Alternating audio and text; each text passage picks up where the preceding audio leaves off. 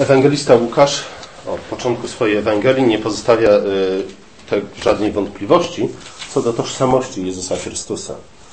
Przede wszystkim nie powinniśmy wątpić w to, że Jezus był prawdziwym Bogiem. Na co wskazuje? Po części z Ducha Świętego, y, szczególne narodziny, wyjątkowe narodziny, co prawda podobne do, do niektórych cudownych narodzin, które miały miejsce wcześniej. Pewnie zwróciliście uwagę na to, że wiele wyjątkowych osób w historii Izraela urodziło się z matek, które pierwotnie były yy, jakie były? Bezpłatne. Narodziny Jezusa są bardzo podobne między innymi do narodzin Samsona. To jest w ogóle zwiastowanie, e, ogłoszenie narodzin Chrystusa jest bardzo podobne do ogłoszenia narodzin Samsona. Jeszcze raz przeczytajcie sobie tę historię, zwrócił, historię, zwróćcie uwagę na to, jak E, jak wiele jest podobieństw między jednym i drugim. Niemniej jednak e, Łukasz nie pozostawia wątpliwości, że te narodziny, pomimo podobieństw, były też wyjątkowe. Dlatego, że w tym przypadku e, dziecko, które się poczęło, poczęło się z Ducha Świętego. Druga wskazówka na boskość Chrystusa to to, iż jest On od samego początku nazywany Panem. Nie? To w naszym języku to niewiele robi sensu, ale dlatego, że no, my nazywamy różnych ludzi panami, niekoniecznie mamy na, na myśli to, że są bogami. Ale w Piśmie Świętym y, Panem nazywany jest Bóg. Zwróćcie uwagę na to, iż anioł Gabriel, który jest posłańcem Bożym, y, który ma ogłosić narodzenie Chrystusa, nazwany jest aniołem pańskim. Ale ten sam anioł pański, gdy ogłaszał pasterzom strzegącym e, stad narodziny Chrystusa, powiedział: Oto dziś narodził się wam Zbawiciel, którym jest Chrystus. Kto? Chrystus Pan. Później w Nowym Testamencie Chrystus jest wielokrotnie nazywany Panem, co jednoznacznie wskazuje na Jego boskość. Nie tylko na to, że On jest wszechmogącym królem, ale w pierwszej kolejności na Jego, na jego boskość. To znaczy, że dzieciątko, które narodziło się w Betlejem, było rzeczywiście stwórcą świata, e, że słusznie te święta nazywamy Bożym Narodzeniem. Nie jest to żadne nadużycie, nie jest to tylko jakaś poetycka metafora, żeby uczynić e, te chwile bardziej sentymentalnymi, ale wyrażają prawdę, która jest nauczana w Piśmie Świętym.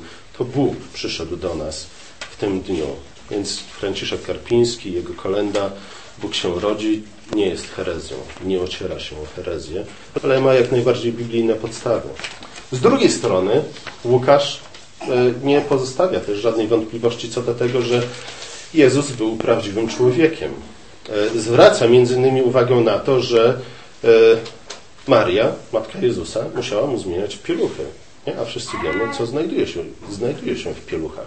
Później niektórzy ojcowie Kościoła stwierdzili, że nie, że co prawda Jezus był prawdziwym Bogiem, był prawdziwym człowiekiem, ale w gruncie rzeczy był takim trochę lepszym człowiekiem, bo pewnych rzeczy nie robił z tych rzeczy, które my robimy. Sławni ojcowie Kościoła dochodzili do takich wniosków. Nie, oczywiście chodziło o to, żeby w jakiś sposób obronić boski majestat, jego niezmienność, jego cudowność i tak dalej, i tak dalej, i tak dalej. Więc stwierdzili, że nawet wcielony Bóg pewnych rzeczy nie powinien robić, bo to po prostu nie wypada.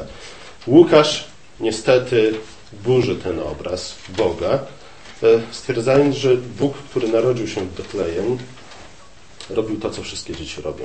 I Maria musiała mu zmieniać pieluchy. Drugi rozdział Łukasza, siódmy wiersz. Jak chcecie sprawdzić, czy rzeczywiście mówię prawdę, czy was nabieram. E, ale także w tym fragmencie, który dzisiaj przeczytaliśmy, Jezus jest przedstawiony jako człowiek, jako normalne dziecko. E, zwrócił uwagę na to, że Jezus, który miał 12 lat, wciąż jest nazywany dzieciątkiem 11-latków. Że jak my was nazywamy dziećmi, nie obrażajcie się.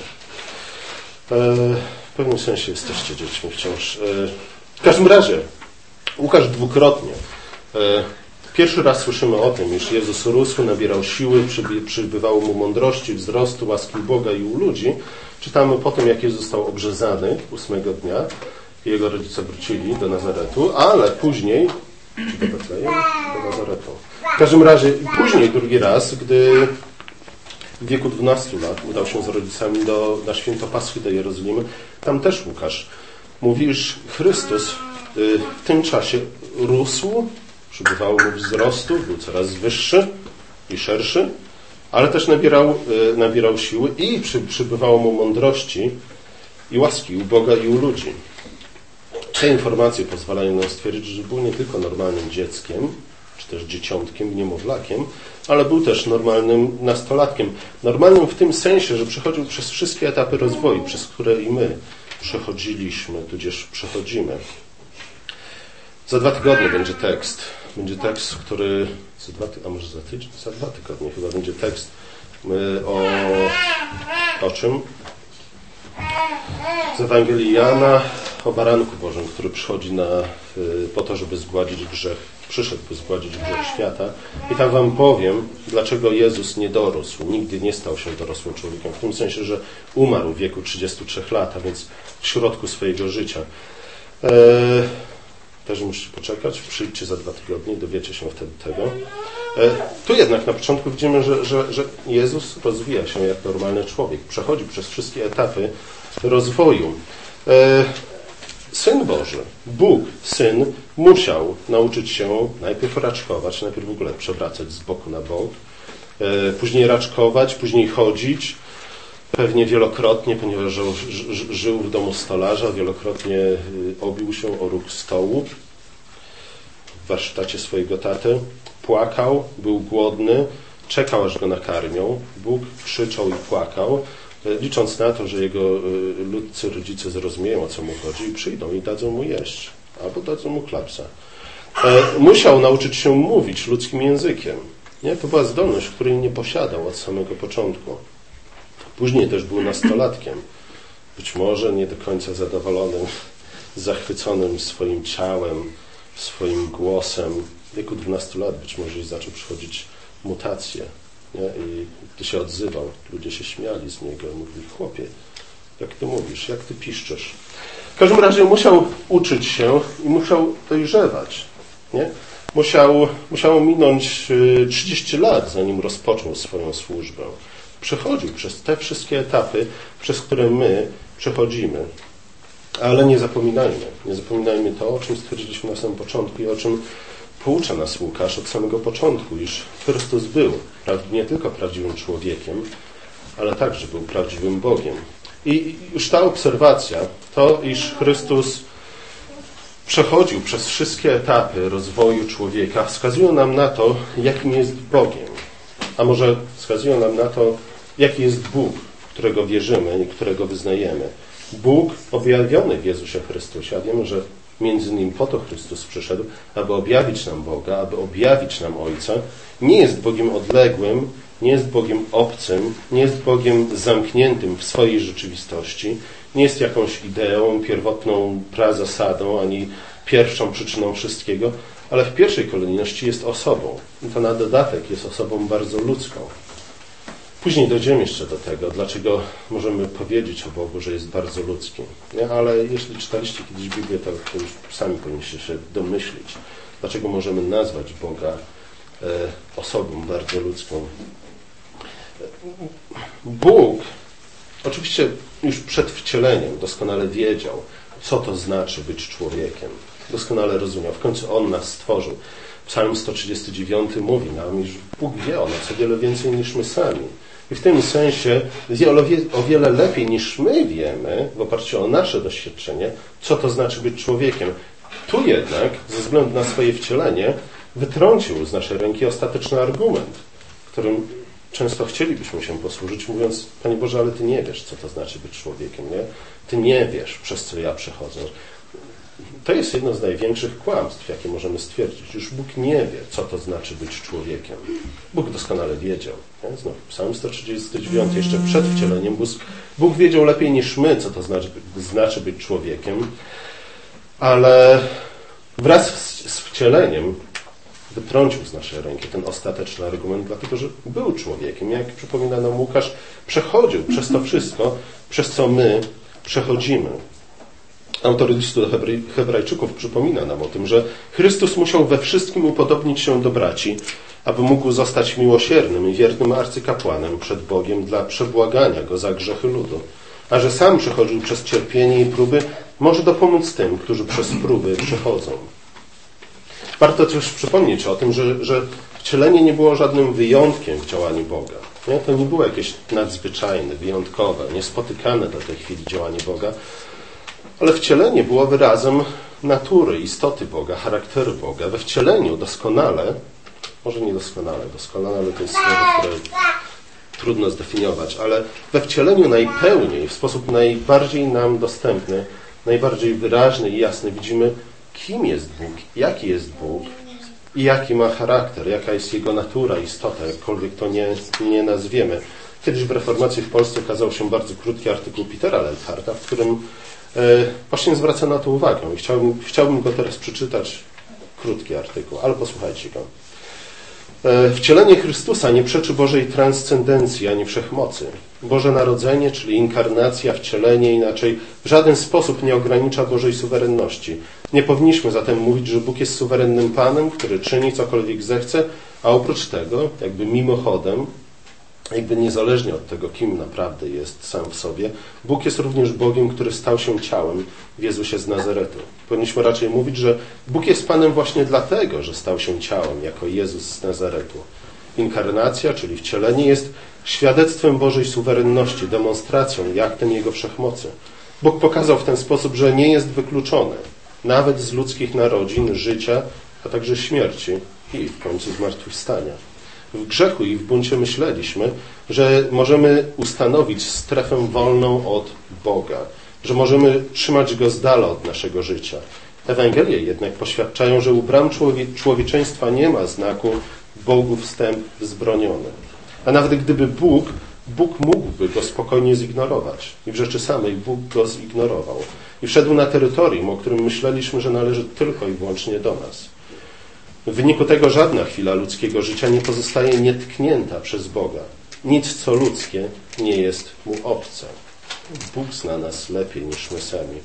Prawdziwie wszechmocny Bóg jest Bogiem, który może przyjąć ciało, cierpieć i umrzeć. Nie? To pogańscy bogowie nie są w stanie tego uczynić.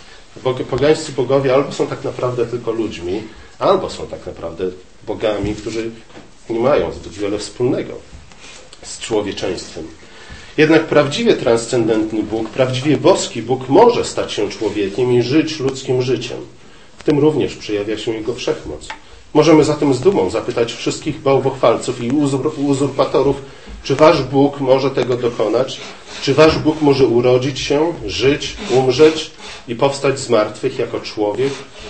Wobec tej demonstracji Bożej Wszechmocy wszystkie usta milkną i wszelkie bożki okazują się niczym ponieważ nasz Bóg nie tylko może to uczynić, On to uczynił. Oczywiście dużo więcej moglibyśmy powiedzieć na temat tego, w jaki sposób Boża natura, Jego istota, Jego charakter objawiły się we wcieleniu.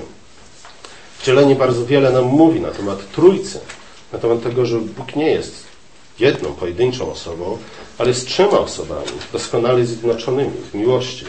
Nie? I to też widzimy we wcieleniu. Ja nie chcę przedłużać, więc nie będę Wam tego wszystkiego tłumaczył.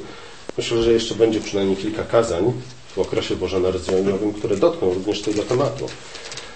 E, przede wszystkim oczywiście, tak jak mówi nam ewangelista Jan, chwała Boża, czyli pełnia objawienia Bożego, e, ukazała nam się na krzyżu.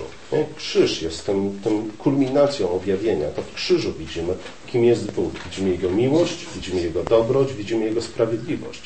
Jeśli chcemy poznać Boga, to przede wszystkim powinniśmy spojrzeć na krzyż i od krzyża uczyć się, co to znaczy być Bogiem, albo kim jest Bóg. I ten temat powinien nas interesować nie tylko z tego względu, że, że możemy się przechwalać, że nasz Bóg jest lepszy niż wasz Bóg, nie? że nasz Bóg jest lepszy, w rzeczy samej, nasz Bóg jest lepszy niż Bóg muzułmanów, niż Bóg Hindusów, niż pierwsza przyczyna Arystotelesa. Nie, nasz Bóg jest lepszy przede wszystkim dlatego, że jest o wiele bardziej ludzkim a z drugiej strony o wiele bardziej wszechmocny niż ich bogowie. Z drugiej strony na tym nie powinniśmy poprzestać. Nie? I, i, I o tym także mówi nam dzisiejszy fragment. Wcielenie było objawieniem natury Boga, lecz nie tylko to. W Chrystusie ujrzeliśmy też prawdziwego człowieka. Ujrzeliśmy człowieka takim, jakim miał być od samego początku i takim, jakim również my będziemy. Nie? Więc w Chrystusie widzimy to, kim będziemy, widzimy naszą przyszłość, widzimy to, kim my się staniemy dzięki Jego służbie. E, widzimy prawdziwego człowieka stworzonego na obraz Boga. Nie? To dlatego, dlatego Bóg stał się człowiekiem, aby człowiek stał się Bogiem. Prawosławni często tak mówią. E, w kościele zachodnim nie wypada tak mówić. To jest czasami uważane za heretyckie stwierdzenie, iż Bóg stał się człowiekiem, aby człowiek stał, mógł stać się Bogiem. I rzeczywiście to może być źle zrozumiałe. Nie? To jest tak zwana doktryna o przebóstwieniu, tudzież o deifikacji człowieka. Niemniej jednak w pewnym sensie jest to jak najbardziej prawdziwe stwierdzenie. Bóg przyszedł e, na świat, stał się człowiekiem, umarł za nasze grzechy, nie tylko po to, aby, aby oczyścić nas z grzechów. Nie? Oczyszczenie nas z grzechów, przebaczenie nam grzechów, pojednanie nas z Bogiem nie jest końcem zbawienia. To jest dopiero początek zbawienia. On przyszedł po to, abyśmy my stali się podobni do Niego, abyśmy stali się jak Bóg. I zapowiedź tego widzimy już w stworzeniu człowieka, w tym, że Bóg stworzył człowieka na swój obraz. Nie? Przy czym oczywiście człowiek stworzony nie, nie, posiadał, znów nie, czy posiadał pełnię Bożego obrazu, czy nie. Moim zdaniem nie. E, posiadał zalążek Bożego obrazu, posiadał pewien potencjał, który Bóg w niego włożył, po to, żeby z czasem ten potencjał osiągnął swoją pełnię po to, aby z czasem człowiek dojrzał, aby dorósł, aby osiągnął pełnię miary Chrystusowej. Tak jak mówi Paweł w liście do Rzymian w tym rozdziale. Tu w drugim rozdziale Ewangelii Łukasza widzimy początki ludzkiego życia Jezusa. I te początki są dla nas bardzo ważne. Nie? Oczywiście to, o czym powiedziałem dzieciom, że, że przykład Jezusa pokazuje nam, że my też musimy chodzić do szkoły i my też musimy się uczyć. Ale to jest coś więcej, dlatego że, że te początki życia Jezusa pokazują nam, E, podstawę, punkt wyjścia, a także pierwsze etapy drogi, która ma nas doprowadzić do pełni obrazu Chrystusowego.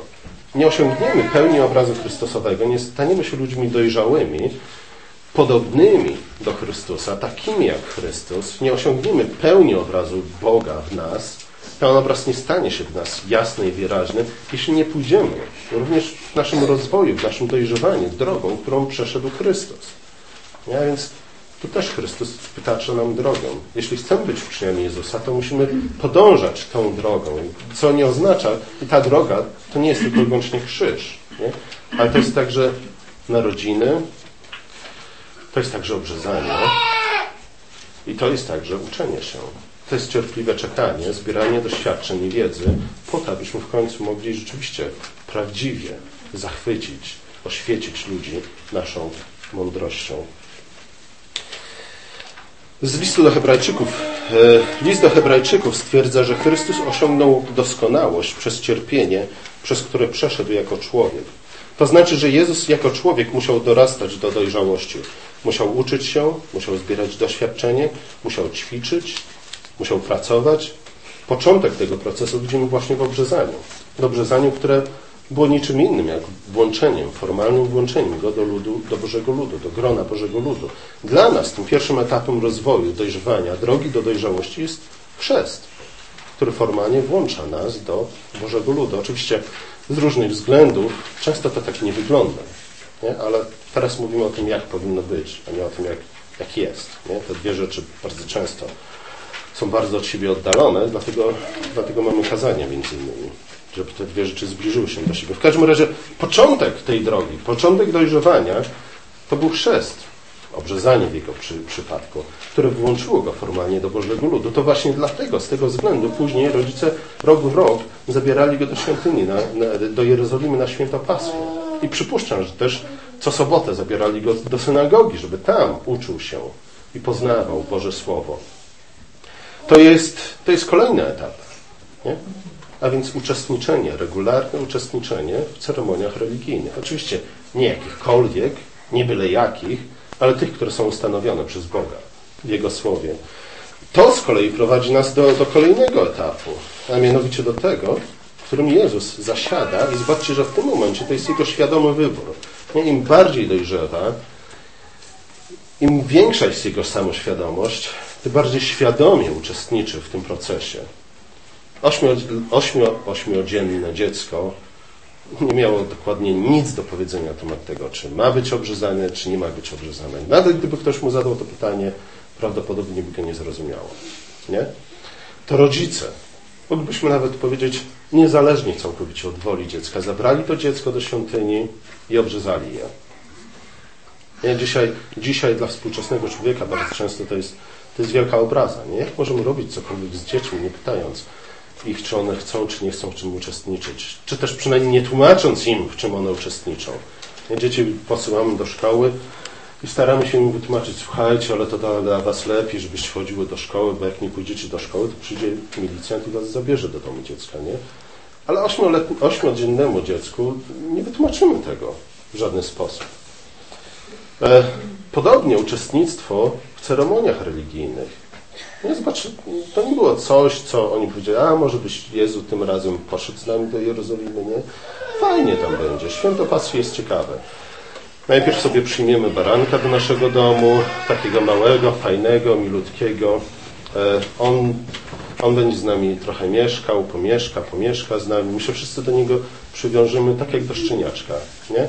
A potem przyjdzie święto Paschy i co zrobimy z tym barankiem? Zarżniemy go i zjemy.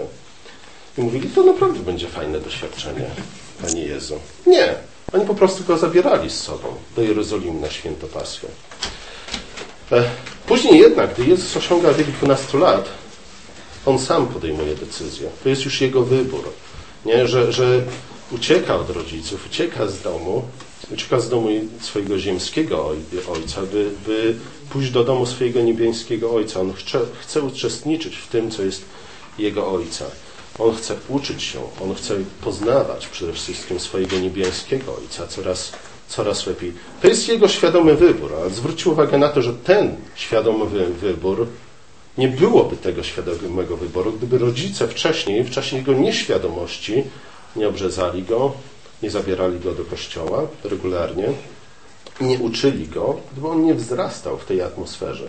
Ten jego świadomy wybór wyrósł z tego wszystkiego, co wcześniej rodzice z nim zrobili. Nawet gdy on nie posiadał żadnej, jakiejkolwiek samoświadomości. To też jest oczywiście pouczenie dla nas, nie? jak powinny wyglądać podstawy chrześcijańskiego wychowania, nie? Jakie, jakie etapy powinny dzieci nasze przechodzić, żeby w którymś momencie stać się świadomymi chrześcijanami, chrześcijanami, by, by, w, którym momencie, by w którymś momencie same z własnej, nieprzymuszonej woli opowiadały się za Chrystusem i wybierały Chrystusa. To jednak nie wszystko. Nie, i oczywiście, patrząc na Jezusa, widząc, że On sam przez to wszystko przychodził, widzimy, że także my musimy przez to wszystko przychodzić. Widzimy, y, od czego to wszystko się zaczyna. Nie? Co jest początkiem, z czego wyrasta dojrzałość, do której mamy dorosnąć. Widzimy, jakie etapy musimy przejść w naszym życiu, aby osiągnąć pełnię dojrzałości. Dojrzałości, której nie, nie osiągamy z racji samych narodzin. Tej dojrzałości nie osiągamy w jakiś automatyczny, cudowny, mistyczny sposób, gdy skończymy 18 lat. Nie, tej dojrzałości nie osiągamy także w chwili naszego chrztu. Tę, tę doj, o, o tą dojrzałość nie? najpierw zabiegają nasi rodzice, a później my sami musimy o nią zabiegać. Także w tym, naśladując Chrystusa. Dlatego też Chrystus nie spadł z nieba jako dojrzały człowiek, który wszystko wiedział, zjadał już wszystkie rozumy i mógł nas tylko zachwycać swoją mądrością. Nie? Dlatego, aby być prawdziwym człowiekiem, aby być nowym, pierwszym Adamem, takim Adamem, jakim miał być pierwszy Adam i jakim byłby pierwszy Adam, gdyby się nie zbuntował.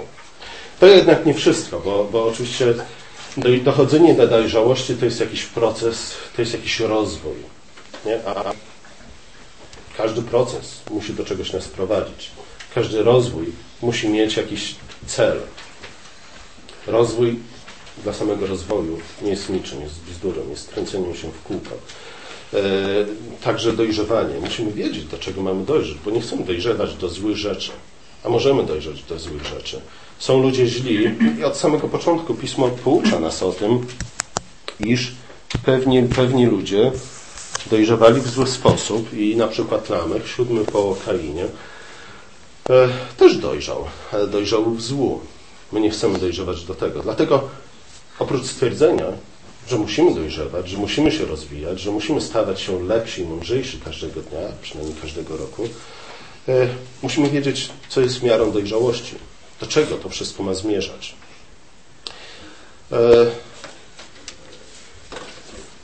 I tak jak w ośmiodziennym Jezusie i w dwunastoletnim Jezusie widzimy podstawy tej dojrzałości, widzimy proces, który prowadzi nas do dojrzałości, to w ukrzyżowanym i zmartwychwstałym Chrystusie, jak mówi Pismo, widzimy miarę dojrzałości, czyli to, do czego mamy zmierzać, czyli to, jakim ma na końcu być również nasze życie. W liście do Efezjan w czwartym rozdziale Paweł mówi Chrystus ustanowił jednych apostołami, drugich prorokami, innych ewangelistami, a innych pasterzami i nauczycielami, aby przygotować świętych do dzieła posługiwania, do budowania ciała Chrystusowego, aż dojdziemy wszyscy do jedności wiary i do poznania Syna Bożego, do męskiej doskonałości i dorośniemy do wymiarów pełni Chrystusowej. Na nasze tłumaczenie jest najlepsze. Niektóre mówią o, o y, mierze dojrzałości, czy też doskonałości Chrystusowej. To jest nasz cel. Chrystus zmartwychwstały, Chrystus, który wstąpił do nieba i zasiada po prawicy Boga, jest miarą dojrzałości. Nie? Jest, jest pełnią obrazu Boga w człowieku. I do tego również my dążymy. I znajdujemy wielokrotnie, zwłaszcza w listach apostolskich, yy, właśnie taki wykład zbawienia, Ewangelii, który nie zatrzymuje się tylko i wyłącznie na stwierdzeniu, że Chrystus przyszedł, umarł, zmartwychwstał i tak dalej, tak dalej, po to, aby nas oczyścić od naszych grzechów, ale wręcz przeciwnie. Yy, to jest tylko jakiś jeden z wielu punktów zwrotny, kluczowy, istotny, Niemniej jednak tylko pewien etap na drodze, która prowadzi nas do, do czegoś więcej, do pełni Chrystusowej. Tak jak Chrystus, w Chrystusie widzimy pełny obraz Boga w człowieku, tak i my mamy stać się podobni do Niego. W liście do Rzymian w 8 rozdziale Paweł mówi Bóg współdziała we wszystkim ku dobremu z tymi, którzy Boga miłują. To jest z tymi, którzy według postanowienia Jego są powołani. Po tych, których przedtem znał, przeznaczył właśnie do czego? By zostali odkupieni od grzechów swoich? Nie. Paweł mówi, pamiętajmy, że to jest wykład Ewangelii. Nie, trochę inny może niż ten, do którego jesteśmy przyzwyczajeni, ale to jest wykład Ewangelii. Tu Paweł mówi nam, e, jaki był zamysł Boga w zesłaniu Chrystusa, w Jego śmierci, zmartwychwstaniu i w Niego wstąpieniu. Mówi, że to wszystko zmierza do tego, Bóg przeznaczył nas do tego, abyśmy stali się podobni do obrazu Syna Jego. Ale nie zapominajmy o tym, że Chrystus jest obrazem Boga niewidzialnego. Jak czytamy z kolei w liście do, do Kolosan. Nie, tam, tam, kiedy Paweł opisuje nam Chrystusa, chyba dwukrotnie stwierdza, że nie, dwukrotnie stwierdza, że w Chrystusie e, zamieszkała pełnia boskości, ale też stwierdza, że On jest obrazem Boga niewidzialnego. Zatem wzrastanie na obraz Chrystusa, wzrastanie na podobieństwo Chrystusa, upodobnianie się do Niego poprzez naśladowanie Go, oznacza również wzrastanie na obraz Stwórcy. Im bardziej jesteśmy podobni do Chrystusa, tym bardziej stajemy się tym, kim człowiek miał być od samego początku. Człowiek stworzony na obraz Boga, człowiek, który miał wzrastać w obrazie na podobieństwo Boga. Jasno stwierdza to Paweł w liście do Kolosan, opisując nowe życie w Chrystusie jako ustawiczne odnawianie się na obraz tego, który nas stworzył. To jest trzeci rozdział listu do Kolosan. Wielokrotnie Paweł w swoich listach, i nie tylko Paweł, tak przedstawia Ewangelię. Nie? To znaczy, że cztery prawa duchowego życia powinno być uzupełnione przynajmniej o jedno prawo. Nie? Bo, bo jak je czytamy, to mamy wrażenie, że, że co, że zostajemy chrześcijanami w jakim celu? Po to, abyśmy się nauczyli w jaki sposób innych ludzi robić chrześcijanami. Tak? I to jest cel. Czyli ostatecznym celem jest zbawienia i przyjścia Chrystusa jest to, żeby, żeby ludzi takich jak my było jak najwięcej. Nie? Ale nie o to chodzi. Nie w, nie w ten sposób e, Paweł mówi nam o Ewangelii. Ostatecznym celem wcielenia męki pańskiej, zmartwychwstania w niebo wstąpienia jest to, abyśmy osiągnęli w pełni swój potencjał. Potencjał, który Bóg włożył w człowieka, kiedy go stworzył na swój obraz. Bóg stworzył Adama i Ewę na swój obraz. Pierwsi ludzie jednak nie dojrzali do pełni obrazu, nie osiągnęli pełni swojego potencjału, bowiem odwrócili się od Boga przez co stracili podstawy poznania, mądrości, a także dojrzałości. Nigdy nie mogli dojrzeć, nigdy nie mogli osiągnąć pełni swojego potencjału, bo odcięli się od tego, który jest źródłem życia, ale też źródłem mądrości. A bez mądrości, bez poznania nigdy nie będziemy ludźmi dojrzałymi. Możemy oczywiście dojrzeć w taki przewrotny sposób, w taki zepsuty, nikczemny sposób jak Lamech, ale to nie jest pełnia obrazu Chrystusowego. To jest pełnia obrazu wężowego, żmijowatego. E, a zatem, kiedy człowiek zgrzeszył, często o grzechu, grzech postrzegamy jako grzech przeciwko Bogu. I gdy mówimy o upadku człowieka, gdy mówimy o upadku Adama, to mówimy o, o, kiedy opisujemy grzech, na czym on polega, to mówimy o, człowiek zbuntował się przeciwko Bogu, człowiek wystąpił przeciwko Bogu, dlatego Bóg go każe, dlatego Bóg się na nim gniewa i, tak rzeczywiście jest, ale to jest tylko półprawda. Nie? To, to, nie jest cała prawda. I w pewnym sensie to jest kłamstwo, które później nie pozwala nam cieszyć się z pełni zbawienia. Dlatego, że kiedy człowiek zgrzeszył, kiedy człowiek upadł, kiedy człowiek odwrócił się od Boga, to zgrzeszył również sam przeciwko sobie. Nie? To był bunt przeciwko samemu sobie. Od tego momentu jesteśmy kupą schizofreników, nie? którzy walczą przeciwko sobie, Stąd bierze się między innymi masochizm, nie? który jest niczym innym jak, jak nienawiścią samego siebie, jak próbą zniszczenia samego siebie. A to wszystko bierze się stąd, że upadek, pierwszy grzech, był grzechem nie tylko przeciwko Bogu, ale przeciwko samemu sobie. Adam w tym momencie zbuntował się przeciwko sobie i zgrzeszył przeciwko sobie. Odciął się bowiem od tego, co było jedynym źródłem mądrości i dojrzałości, jedyną drogą, która mogła doprowadzić go do osiągnięcia pełni potencjału, który Bóg włożył w człowieka.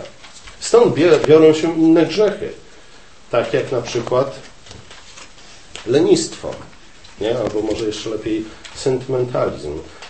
Zobaczcie, wszystkie te grzechy, o których czytamy w Księdze Przypowieści, są tego typu grzechami, które nie pozwalają człowiekowi osiągnąć pełni jego potencjału, a więc pełni obrazu Boga, na które zostaliśmy stworzeni. Dlatego, że one niszczą nie tylko nasze relacje z innymi ludźmi, ale niszczą naszą relację ze stworzeniem i niszczą naszą relację z samym sobą.